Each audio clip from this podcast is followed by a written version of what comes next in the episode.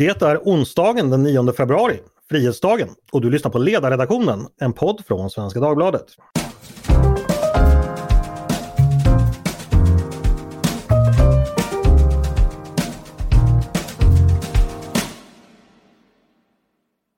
Varmt välkomna ska ni vara! Jag heter Andreas Eriksson och i dagens podd ska vi titta närmare på en del rättspolitiska förslag som har lagts fram på sistone. Brott och straff är ju som bekant ett ämne som rankas högt av väljarna inför valet och partierna har varit ganska flitiga med att lägga fram nya förslag och tankar på hur politiken på området ska förändras. Att ämnet är hett märktes ju inte minst i veckans partiledardebatt i TV4.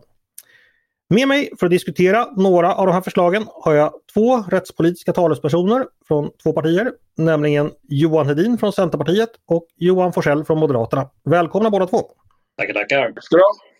Eh, om vi börjar med dig, eh, nu heter ni båda Johan så jag eh, använder efternamnet. Vi börjar med dig, Johan Forsell. Eh, Moderaterna har ju som alla vet varit jätteflitiga här och lagt förslag på ganska stora förändringar när det gäller både eh, påföljder och hur polisen får jobba när det då gäller specifikt gängbrottslighet.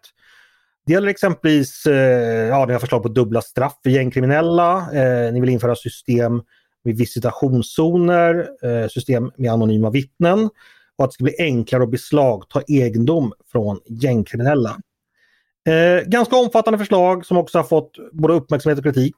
Varför lägger ni fram så pass omfattande förändringsförslag just nu? Varför tycker ni det är, det är så pass skarpt läge att det är dags att göra det? Ja, vi gör det av en enkel anledning och det är ju för att Sverige ser ut som, de, som det gör, tyvärr. Alltså, det är det som är så tragiskt. Sverige är ju på många sätt ett fantastiskt land med jag menar, näringsliv i världsklass och strävsamma människor och så vidare. Men, men just när det gäller gängkriminalitet kanske specifikt och otrygghet, där är ju situationen väldigt allvarlig. Jag tror många, man vänjer sig lite här också, men jag tror att många människor kanske inte riktigt inser situationen och hur man talar om Sverige i andra länder. Det var i Danmark här nyligen, man talar om det svenska tillståndet och när man ska liksom jämföra Sverige med andra länder så är det ju svårt att hitta egentligen något annat land i Europa som har den här typen av väldigt ingrodd gängkriminalitet, i alla fall på den här nivån. Så att mm. vi menar att det, det, det, är dags att liksom ta ett ordentligt kliv framåt här. Och det är ni inte ensam om. Eh, även andra partier har varit inne på liknande tankar. Vänder mig till dig Johan Hedin. Även Centern har förklarat sig vilja ändra på en del eh, just på grund av gängkriminalitet. När du tittar på den här listan av förslag som jag nämnde från Moderaterna, eh, vad tänker du om dem? Finns det några direkta förslag där du kan säga det här är dåligt, det vill vi inte göra? Och finns det några direkt bra eller finns det några helt andra du skulle vilja lyfta fram? Ja, det är sällan så enkelt. Eh, de flesta förslagen har både fördelar och nackdelar och det viktiga är väl att man väger fördelarna mot, mot nackdelar och eh, eventuella risker som är förknippade med de här olika förslagen. Eh, jag går till forskningen och tittar vad det finns ett gott stöd för, vad som, har, vad som har provats i andra länder och man verkligen har evidens eh, för. Så att vi gör maximalt effektiva metoder. För att, precis som Broder Forsell säger så är ju läget väldigt allvarligt och det kräver att vi gör allting rätt egentligen när du har gått till din forskning då och tittat på de här förslagen, finns det några förslag du skulle vilja säga, är det där är nog inte, eller så här, vilka är det som du tycker har minst som talar för sig av Moderaternas förslag? Det som jag ty tycker saknas mest stöd för i forskningen det är faktiskt just visitationszoner. Då, som, eh, däremot så pekar man på ett antal allvarliga risker. Eh, någonting som präglar ofta de här utanförskapsområdena det är att man har en låg tillit till polisen. Man har ett lågt förtroende överhuvudtaget för eh, rättsvårdande myndigheter, i synnerhet kanske, men myndigheter i allmänhet. Och den där tilliten är väldigt viktig att man försöker bygga upp igen. Och det gör man med långvarig polisnärvaro och även närvaro från andra samhällsinstitutioner. Att, okay. Men vilka är riskerna med visitationszoner då, som du ser, eller som forskningen ser? Ja, det är att man gräver det här diket mellan lokalsamhället och myndigheterna ännu djupare. Där eh, folk som absolut inte har för avsikt att begå, begå brott, vanligt hederligt folk, precis som du och jag, som blir stoppade och visiterade varje dag. Eh, det, det urholkar förtroendet där det redan är ansatt. Okej, okay. är Centerpartiet emot visitationszoner whatsoever? Eh, ja, det måste jag nog säga att vi är. Eh, jag är absolut inte emot visitationer. Visitation är ett utomordentligt viktigt verktyg för att komma till rätta med brottsligheten. Men redan med gällande rätt så har svensk polis ganska stora befogenheter. Det är polislagens 19 och 20 paragrafer. Och är det så, vilket jag inte tror, men är det så att det skulle behövas göra en förändring, då skulle man kunna göra ganska enkla justeringar i redan befintlig lagstiftning istället för att börja med ett nytt stort rättspolitiskt projekt som kallas visitationszoner som skulle ta flera år att jobba med. Okej, vi bollar tillbaka till, till Johan Forsell där. Eh, Hedin beskriver att det finns stora risker med det här och att det nog kanske inte är så effektivt. Eh, ändå är det ett förslag som ni lyfter fram som ett av tio. Vad tänker du om den kritiken? Men Johan Hedin har ju rätt att alla av den här typen av förslag har ju både för och nackdelar. Man får värdera det. Men man ska också se att det finns både för och nackdelar med den situation vi har idag. Eller Med att inte liksom, så att säga, hantera den. Alltså jag tror att den stora risken i sammanhanget här om man talar tillit, det är ju att, den här, att de här skjutningarna bara fortsätter. Därför att, alltså det, den om något hotar tilliten mellan invånare och, och samhället och, och rättsväsendet. Så att det är så utgångspunkten här och vi har ju tyvärr stora problem med personer som springer runt, alltså 15-16-åringar som springer runt med knivar, pistoler och automatvapen. Och, och det är därför vi lägger fram det här. Jag ska säga att er som lyssnar, att om ni hör några konstiga ljud i bakgrunden så beror det på att det är riksdagens voteringslarm som testas bakom eh, Johan Forsell. Så nu får ni en liten inblick i det att vara riksdagsledamot under en plenifri vecka när teknikerna tycker att det är dags att testa olika system. Men det, det får vi väl stå ut med. Eller går det bra med dig, för dig Johan? Absolut, om det funkar för lyssnarna så funkar det för mig. Jag skulle ja, bara lägga till också att jag var i Danmark så sent som förra veckan och träffade polisen där. Det är ju kanske framförallt Danmark vi har pekat på. Och jag tror ärligt talat att de här riskerna med visitationszonerna är kraftigt överdrivna. Alltså det, det har funnits länge i Danmark, det fungerar i Danmark, polisen är nöjda med zonerna. Jag kan också konstatera att i det närmaste så är det ingen politisk debatt eller konflikt om det där. Så att, eh, fungerar det i Danmark så ser jag inte varför det inte skulle kunna fungera bra även i Sverige. Johan Edin, ditt svar? Ja, fast vi vet ju inte om det är just visitationszoner som fungerar i Danmark. Danmark gör en hel del saker annorlunda än vad Sverige gör. Och vi har ju redan en långtgående befogenhet för polisen. Vad är det i så fall som saknas 19 och 20 paragrafen? Men jag ska, eh, visitationszoner får ju en positiv sak med sig och det är att det är poliser på plats.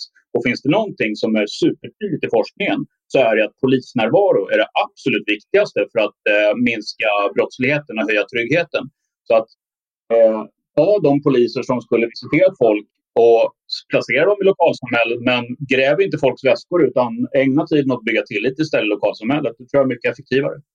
Mm. Men mitt, mitt perspektiv där, jag måste bara få kommentera det, det är ju då att om det nu är tillräckliga möjligheter idag, varför fortsätter vi hela tiden att ha den situationen med vapen som flödar runt på gatorna?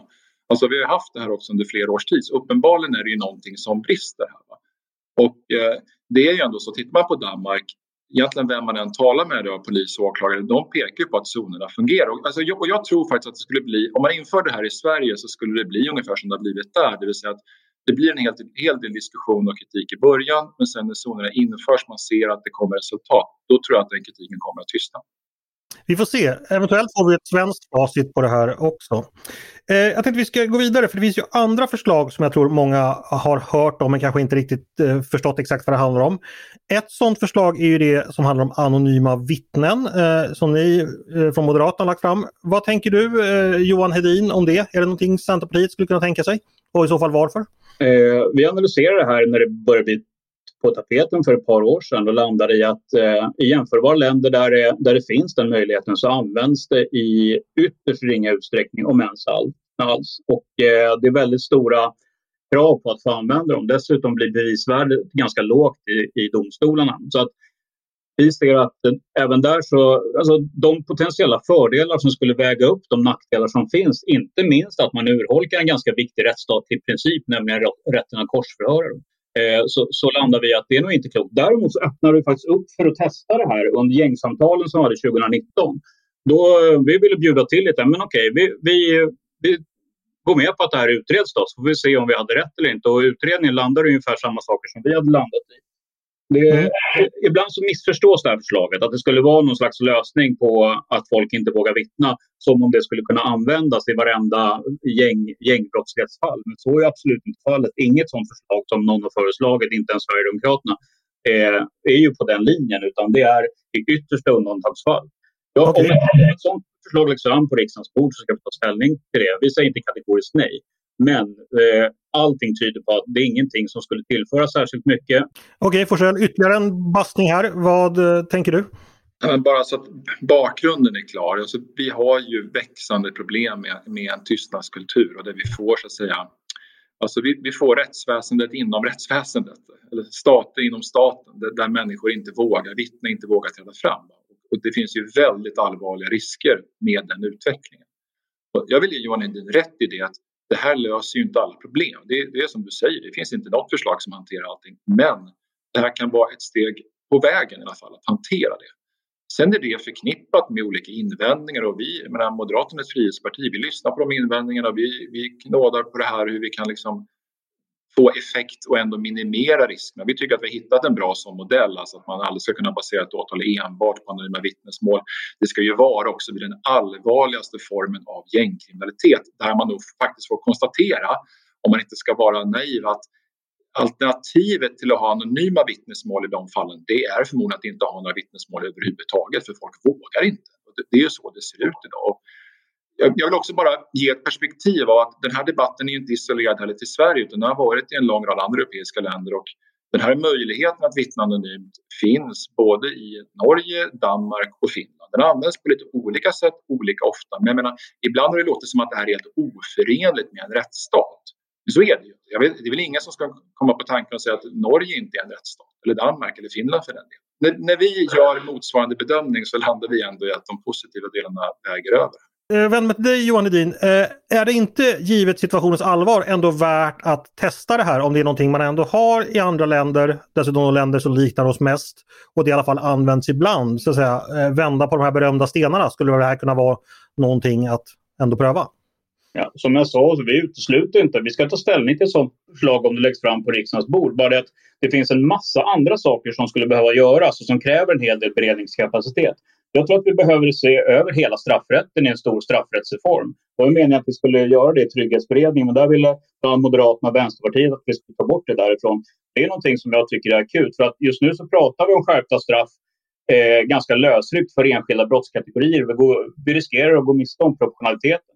En annan mm. stor sak som jag tycker också borde vara nästa mandatperiods riktigt stora rättspolitiska projekt, att se över rättegångsbalken så att vi får effektivare rättegångar med bibehållen eller höjd rättssäkerhet. Mm. Okej, okay. Jag ska ta ytterligare ett av de här enskilda förslagen som kommit från Moderaterna som har diskuterats mycket och det gäller det här med att beslagta egendom från gängkriminella som det heter. Eh, jag ska förklara för er lyssnare, lika lite som ni så är jag jurist, jag använder ett väldigt enkelt språk. Det är möjligt att det heter andra saker rent formellt men det, det lämnar vi därhen just nu.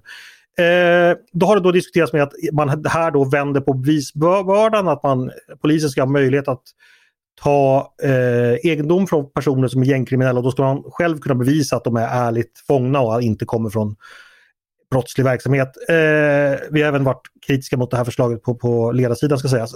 Eh, Forsell, vad, vad, tänker du? Den kritik ni har fått där, är, är den orättvis? Är vi som har sagt emot, har vi inte fattat någonting? Eller vad tänker du kring den frågan just när det gäller denna beslagtagande? Och delvis tror jag att det finns missuppfattningar här. Eh, så, och det finns det även, och, och, och, kanske gör man också lite olika bedömningar av hur allvarlig situationen är. Eh, jag ska bara mm. säga att man, om vi backar bandet bara till frågan om anonyma vittnen så kan man också konstatera att även både polisen och åklagarmyndigheten har ställt sig bakom detta. De vill se det. Och det är klart, jag tycker det är svårt i den här, i den här tiden vi lever i att liksom bortse från det. Sen är mm. det så när det gäller den här typen av beslag att Eh, de här, alltså attraktiviteten, attraktionskraften till de här kriminella gängen, den är ju tyvärr väldigt stark. Va? Det, här, alltså, lyxbilar, eh, lyxklockor, det används som ett sätt för att rekrytera in ungdomar, barn, alltså i det närmaste barnsoldater eh, till de här gängen. Och där behöver vi helt enkelt förbättra kraftigt möjligheten att kunna beslagta kriminellas egendom. Eh, och det är därför som vi har lagt det här förslaget. Och liknande, det finns ju, om man nu talar om en bevisbara, det finns ju redan idag i svensk lagstiftning vissa sådana delar, till exempel det här med att kunna beslagta kontanter. Så det är inte en helt udda fågel, även om det kanske kan låta som det. Uh, ytterst är det också alltid en domstol som fattar beslutet, vem som är gängkriminell eller inte. Så här finns ju också, skulle jag säga, mycket starka rättssäkerhetsmekanismer. Men vi måste ta ett steg framåt här, alltså annars så kommer vi inte få, få bukt med de här problemen. Alltså det finns inga det finns liksom inga enkla sätt som inte irriterar någon att få bukt med en ingrodd gäng, gängkriminalitet. Det är bara att inse det. Och så får man väl liksom värdera det olika eller se på frågan på olika sätt. Va? Men det finns inga enkla lösningar på detta. Ska man stoppa gängkriminaliteten man var beredd att knäcka några ägg helt enkelt. Eh, Johan Hedin, eh, är det här också ett förslag som Centerpartiet eh, är tveksamma till eller gör ni tummen upp? Alltså, eh, Johan Forsell säger nyckelordet här och det är att kunna beslagta egendom från kriminella. Men då måste vi veta att de är kriminella. Alltså, det är jättebra att vi kan förverka brottsvinster. Det, ingen ska kunna komma undan med, med det. Ingen ska kunna bli rik på brott. Och där behöver vi nog eh, tänka nytt och tänka om på vissa områden. Men med det sagt så det är skakigt att staten tar sig rätten att, plocka av enskilda egendom utan att påvisa att det kommer från kriminell verksamhet. Men det finns mycket man kan göra på den bogen, inte minst med penningtvätt. Eh, en, ett ganska så eh, bekymmersamt eh, läge är att Sverige är ett exportland för penningtvätt. Eh, det är förhållandevis lätt och billigt att tvätta pengar i Sverige och det är luckor som vi måste täppa till. Det drar ju kriminalitet till Sverige. Och vad det handlar mm. också om är ju syvende och sist utredningsresultaten som måste, måste bli bättre. När det gäller just gängvåldet så är ju utredningsresultaten katastrofalt svaga. Det måste bli mycket, mycket bättre. Och då kan okay. man också plocka av kriminella deras egendomar. De blir dömda för brott. Just det. Jag tänkte, nu har det blivit väldigt mycket så att eh, vi har tagit upp moderatförslag och så har, har Hedin fått vara emot det. Om jag går till dig Johan Hedin och frågar istället, vad vill ni Centern göra så att säga istället? Har ni några förslag som Moderaterna är emot? Eller liksom, ja, så att du får chansen att skina här lite också. Vad vill, vad vill du lyfta fram som du tror är, tror är viktigt? Vi har faktiskt några idéer hur man skulle kunna jobba med, med olika saker. Men det absolut viktigaste, det är det som jag tror att de flesta är överens om, det är polisnärvaro. Eh, vi måste ha fler poliser och vi alla är överens om att vi ska bygga ut polisorganisationen till 2024. 20, eh, 2024 med 10 000 fler polisanställda. Det kommer inte räcka. Vi kommer ligga en bra bit under Europanivån. Ja, och kommer det gå för övrigt med att 10 000 människor där ute som man bara kan göra på, till poliser på tre år, eller två år numera. Är det realistiskt, realistiskt ens? Ja, det, det, verkar inte så just nu. Det ser, ganska, det ser ganska mörkt ut. Samtidigt är det så oerhört viktigt att vi får rätt människor in till polisutbildningen. Polisen behöver också bli effektivare så att vi får ut arbetade polistimmar ute i lokalsamhället som kan skapa trygghet. Att mindre som, färre som eh, ägnar sig åt administration. Därför har Centerpartiet föreslagit i vår budgetmotion ett, en satsning på polisstödsassistenter som avlastar poliserna från administrativa uppgifter. De har provat det på polisen i Region Mitt med väldigt, väldigt goda resultat. En timme in som polisstödsassistent ger två timmar ut eh, för en polis för polisarbete. En annan idé som vi har jobbat med det är vad vi kallar för restriktionsdomar. Så att ovanpå en annan påföljd, till exempel en gängkriminell som döms för ett vapenbrott, två års fängelse, ska man kunna eh, dömas till ytterligare till exempel fyra år med restriktioner mm. som motsvarar ungefär frivårdsåtgärder. Syftande till att göra det oerhört svårt att eh, kunna begå nya brott oupptäckt. En annan sak, eh, jag var inne på det förut också, att vi behöver en straffrättsreform. Jag tror vi behöver titta på straffvärdet för alla de brotten som eh, eh, normalt begås i gängmiljö. Jag tror också vi behöver titta på förberedelsebrotten så att de kommer upp i nivåer som vi kan använda hemliga tvångsmedel. Till exempel eh, när det gäller allmänfarlig ödeläggelse, där, sprängningar. Så det är oerhört viktigt att man kan ta eh, till exempel sprängmedel och man kan spana på de som är misstänkta för den typen av eh, brott redan på förberedelsestadiet. Det är några av de sakerna. Vi pratar om vittnen, anonyma vittnen. Vittnesskyddet måste stärkas. Fler måste kunna få ingå i ett vittnesskyddsprogram. Det är ganska svårt att få göra det idag. Eh, vi vill skärpa straffen eh, till minimum två år för övergrepp i rättssak, det vill säga det straff som man eh, får, eh, det brott som man begår om man hotar ett vittne. Till minimum två år. För det innebär dels att man kan ha obligatorisk häktning, man åker bort från gatan direkt. Och för att det här verkligen ska ha en verkan så vill vi undanta just det straffet från den så kallade aspirationsprincipen. Att oavsett vad det är för annan påföljd så läggs de här eh, två år minimum och mer då om det eh, är värt mer eh, på det straffet. För att vi har en situation där idag så kanske inte, man, man har ingenting att förlora på att försöka hota ett vittne om det gör att man undkommer straff. Jag stoppar dig där. Det är uppenbart att det finns mycket, massa förslag också från Centerns håll. Eh, gå till Forsell. Är det någonting här du tycker låter extra bra eller någonting du vill stoppa? Eller köper du hela paketet rakt av? Jag tycker det finns mycket klokt i det som Centerpartiet eh, liksom för fram här. Men, men sen är det ju, och, jag menar, till exempel det här med att göra en stor straffrättslig reform. Det har ju vi föreslagit från Moderaternas sida också så att vi får bort lite av det här lapptäcket som är idag. Men sen är det ju så här att det handlar ju inte om att göra flest saker det, det blir väldigt många olika utspel i den här debatten utan det handlar om att göra rätt saker. Det handlar om det som verkligen är, alltså det som rubbar liksom mönstren. Vi brukar tala om det som att det ska vara mönsterbrytande. Och, där är det tyvärr så här att vi tappar fortfarande mark mot de kriminella gängen. Alltså avståndet ökar. De är inte dumma de här individerna. De är ofta liksom smarta och hade förmodligen haft framgångsrika karriärer om de hade gjort något vettigt med sitt liv istället. Eh, och, så att, och, och, då, och, vi tappar fortfarande trots av att det har ju skett en massa saker eh, under, även under den här mandatperioden och tidigare. Jag menar, alliansregeringen till exempel byggde ju ut polisen väldigt kraftfullt, mycket mer än vad man har lyckats med de här sju åren. Så att det handlar om att, inte om att göra flest saker utan om att verkligen göra det som gör livet riktigt jobbigt att vara gängkriminell i Sverige. Och där, där, där har vi olika uppfattningar, eh, Johan Hedin och jag, liksom hur långt man ska gå. Och jag tycker att vi kommer aldrig kunna hantera den här typen av problem, alltså om vi inte vågar ta stora kliv framåt. Därför att den här liksom ekvationen av att vi är det land i Europa som har störst problem med gängkriminalitet men ändå på flera områden den svagaste lagstiftningen. Det är en, alltså det är en omöjlig ekvation. Jag tänkte vi behöver, ska gå vidare lite och lyfta blicken lite. Eh, en sak som jag är lite nyfiken på det är att det pratas gängkriminalitet. Det är en så att säga ett entitet som slängs fram och tillbaka. Eh, alla antas förstå exakt vad som avses med den.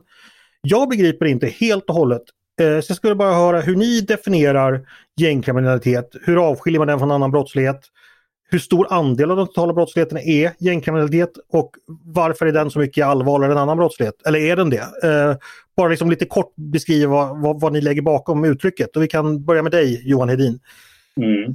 Det där är en jättesvår eh, fråga att besvara och det är inte bara vi som har svårt att besvara den eh, utan det är även eh, svensk rätt. Det finns ingen entydig definition vad som är ett kriminellt gäng det, det, är något av ett problem när man pratar om åtgärder som ska riktas just, mot just gängkriminaliteten, för den är inte alldeles lätt att definiera. Eh, I svensk rätt så har man ju eh, rekvisit för organiserad brottslighet och där kan man se hur, eh, hur brottslighet är organiserad. Ett exempel är mc-gängen som är ganska lätta att avgränsa och förstå. Eh, men de här gängen som, som står för stora våldsökningen just nu, det är oftast ganska löst sammanhållna nätverk som man går samman för enskilda brottsprojekt. Det kan vara släktband, det kan vara kompisgäng och eh, lojaliteten kan bytas ganska snabbt. Så där har, har man en stor utmaning, inte minst för en åklagare som skulle påvisa då en tillhörighet till ett sånt här gäng. Så där behöver man nog jobba lite grann med. Men det är kanske inte det som är det viktiga, utan det viktiga är ju de gärningar som man begår, de våldsgärningar. Och våra förslag som eh, vi lyfter fram, de träffar ju även annan typ av kriminalitet i många fall. Eh, en annan stor brottskategori som har gått alldeles mycket under radarn, det är våld i nära relationer. Men till exempel de restriktionsdomarna som vi pratar om, det träffar ju lika mycket eh, de som begår den typen av brott. Så jag tror vi ska fokusera på själva brotten, själva våldsbrotten. Fast eh, även när man är inne på Centerpartiet och läser er politik så talar ni ju om gängkriminalitet som om det är någonting som alla begriper vad det är. Så att eh, ni är ju själva lite skyldiga då till att använda er av det här stora begreppet som då kanske är lite svårare att, att använda i praktiken eh, om jag förstår det rätt, när det väl ska tillämpas.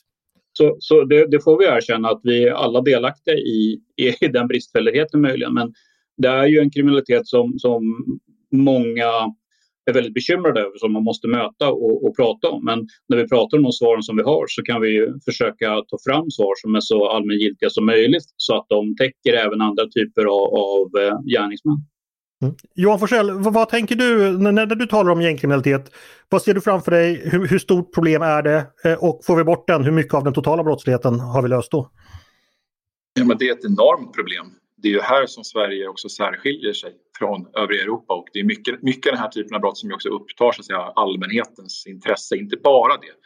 Eh, så, men, men, det är mycket det här som ger de största rubrikerna. Sen, det är möjligt att gängkriminalitet inte är det bästa begreppet. Man kan ju dock fundera på vad, vad skulle ett bättre begrepp vara?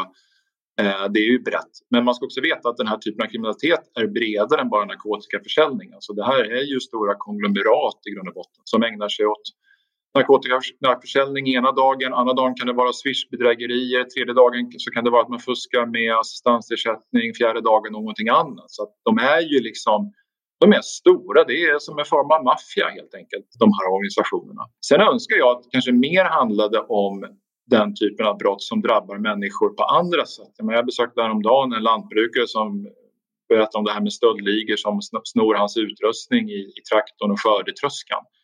Eh, så, men det finns väl en, en begränsat, eh, begränsat utrymme i media helt enkelt. Men jag vill ändå gärna säga det när, när jag får chansen. För det finns väldigt mycket annat som också är allvarligt och som begränsar människors frihet i deras vardag utöver sprängningarna, skjutningarna och rånen. Eh, nu ska jag säga som eh, seminariemannen brukar säga, det här är inte så mycket som en fråga som en, som en reflektion. Men tittar man på brottsligheten generellt så är det ju så att det är en ganska splittrad bild. Alltså en del brottslighet går upp, en del går ner. En del går ner av ganska naturliga skäl. Checkbedrägerier är inte lika vanliga längre. Och ungdomarna har slutat supa i ganska stor utsträckning och slår varandra inte på käften lika mycket på gatorna. Eh, ändå beskrivs det ju ofta som att vi har en skenande brottslighet och att det är så att säga en entydig bild vilket då jag hävdar att det inte är, för det finns en stor del av brottsligheten som, som så inte blir värre. Eh, ja, ja, ni får svara som ni vill, men alltså tror ni att väljarna är så jäkla rädda för liksom den här frammanande gängbrottsligheten eller kan vissa väljare kanske tycka att ah, det är väl inte så farligt och varför jag lever på mitt liv och känner mig ungefär lika hotad som tidigare. Eh, sagt ingen fråga men jag ber bara reflektera över det. Vi börjar med dig Hedin, vad tänker du? Jag tror att eh, det är en väldigt allvarlig situation som sprider väldigt mycket oro och många, många tänker mycket på det. Eh, och det är någonting som man måste lösa. Men vi måste göra det med, med de, de bästa möjliga medel. Och, eh, Jan Forssell sa tidigare att, att de vill gå lite längre än, än Centerpartiet. Det är något av ett missförstånd. Jag är beredd att gå väldigt långt och Centerpartiet går väldigt långt även med kraftigt repressiva åtgärder. Men det krävs ju att vi tror att de är verksamma och några av de förslag som har, har lanserats nu är enligt vår bedömning inte så pass verksamma så att de är värda att gå vidare Men Då är det hellre att satsa på andra saker. Men eh, det är klart att det, det, det som syns mycket i media och det som drar rubriker det, det bidrar ju till, till en bild av stor oro. Och ibland pratar man som om trygghet och upplevd trygghet skulle vara två olika saker men all trygghet är, är upplevd att vi sprider otrygghet, att det sprids otrygghet i samhället är ju allvarligt. Det måste vi adressera med kraft på, på alla sätt och det gör vi genom att, att kämpa ner den här typen av brott. Precis som du säger så är det mycket som har blivit bättre. Men det kan vi inte sitta och glädjas åt samtidigt som det är saker som blir sämre. Det som ökar det är bland annat gängvåldet. Men sen även bedrägerierna ska absolut inte gå under radarn för det drabbar väldigt många människor, inte minst äldre Eh, och sen så sexualbrotten också, väldigt viktigt. Eh, Forsell, du ska också få en reflektion från min sida och kommentera. Jag tänkte på, jag såg ju partiledardebatten i veckan i TV4. Som tittare och utomstående är det lätt att tycka att det blir som att politikerna låtsas som att den andra sidan bara bryr sig om en sak. Vänstern skäller på högern för att ni tänker bara på straff och inte på förebyggande åtgärder och högern svarar ni tänker bara på fritidsgårdar och förstår inte att vi måste bura in folk det är ju en ganska enfaldig bild, ändå tycker jag den dyker upp ganska ofta. Eh, vad tänker du om det? Eller har jag någon poäng i det? Eller vad, vad skulle du säga om den diskussionen? Avvägning mellan förebyggande åtgärder och så att säga det som sker efter när brottet väl har ägt rum? Så det finns ju ingen som är för kriminalitet. Det är ganska självklart så. Eh, men det handlar ju hela tiden om avvägningar. Hur långt är man beredd att gå? Vad är man beredd att göra? Och är man beredd att, så att, säga, att verkligen sätta kraft bakom orden? Och, och där där är det ändå så att vi skiljer oss åt rätt mycket. Alltså, det är liksom olika perspektiv där jag ändå får säga att regeringspartiet eh, med stöd av eh, bland annat Miljöpartiet och Vänsterpartiet. Alltså det, det, är ett perspektiv väldigt mycket att göra ungefär vad man har gjort och sen lägger man på 10 procent och sen tycker man att det är en stor ökning. Vi moderater vi har ett annat syn på det här. Alltså vi har en skjutning om dagen. Det här kommer bara att eskalera om vi inte mer börja med så säga, det tomma pappret och, och fundera kring vad är det som verkligen gör livet riktigt, riktigt jobbigt som gängkriminell? Och vad kan vi lära oss av andra länder återigen? Alltså det är ju flera andra länder som visar på att det ändå finns hopp. Och det är kanske det mest allvarliga i hela det här. Alltså den hopplöshet som sprider sig i det svenska samhället där, där man känner liksom att ja, men det kommer inte gå att förändra. Måste man flytta? Det, liksom, det finns ju sådana väljare, inte bara i storstäderna utan överallt i, i samhället och det är destruktivt. Köper du den här bilden som Johan Forsell beskriver att eh, partierna till vänster vill bara ha 10% mer av det man redan gjort och inte förstått att man måste tänka om och tänka i nya banor? Ja, ibland så ser man en ganska stor passivitet eh, och ibland så får jag känslan av att det här med hela rättspolitiska debatten är någonting jobbigt som, som sossarna helst skulle vilja att, att det kommer skymundan av något annat. Eh, och där har ju den samlade oppositionen, inte minst Moderaterna och Johan Forssell, gjort ett mycket, mycket förtjänstfullt arbete att lägga på regeringen och sätta press på så att det händer saker. Vi skulle aldrig fått, liksom, de, de åtgärder som faktiskt kommer på plats nu, skulle aldrig fått det om det inte vore för Forssell och många andras arbete att sätta tryck på regeringen. Så det är klart att det finns en, en passivitet. Och det finns ju såna ideologiska skygglappar ibland, vad, vad man tycker är, är rätt eh, åtgärder och, och, sånt som man liksom har, har, har pratat om sedan ungdomsförbundstiden. Och det är nog dags att se bortom dem och titta på vad forskningen faktiskt säger om olika åtgärder. För att rättspolitiken just nu, läget är så allvarligt, vi kan inte hålla på och gissa och hoppas på tur. Vi måste använda de åtgärder som vi tror är maximalt effektiva. Det tror jag att vi, vi med gemensamma krafter kommer att kunna göra. Det kräver att vi kavlar upp ärmarna och jobbar och, och försöker arbeta tillsammans för att göra resultat. Eh, en rak fråga Johan Edin. Föredrar du Socialdemokraterna eller Moderaternas rättspolitik? Ja, det, det går inte att säga så. Det finns brottstycken av bådas rättspolitik som är bra och det finns saker som är mindre bra. Därmed är vår tid ute för idag. Jag föredrar Moderaternas. Jaså?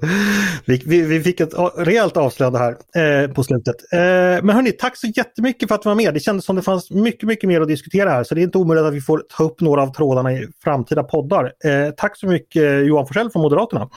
Tack så jättemycket. Och tack så mycket Johan Hedin från Centerpartiet. Stort tack.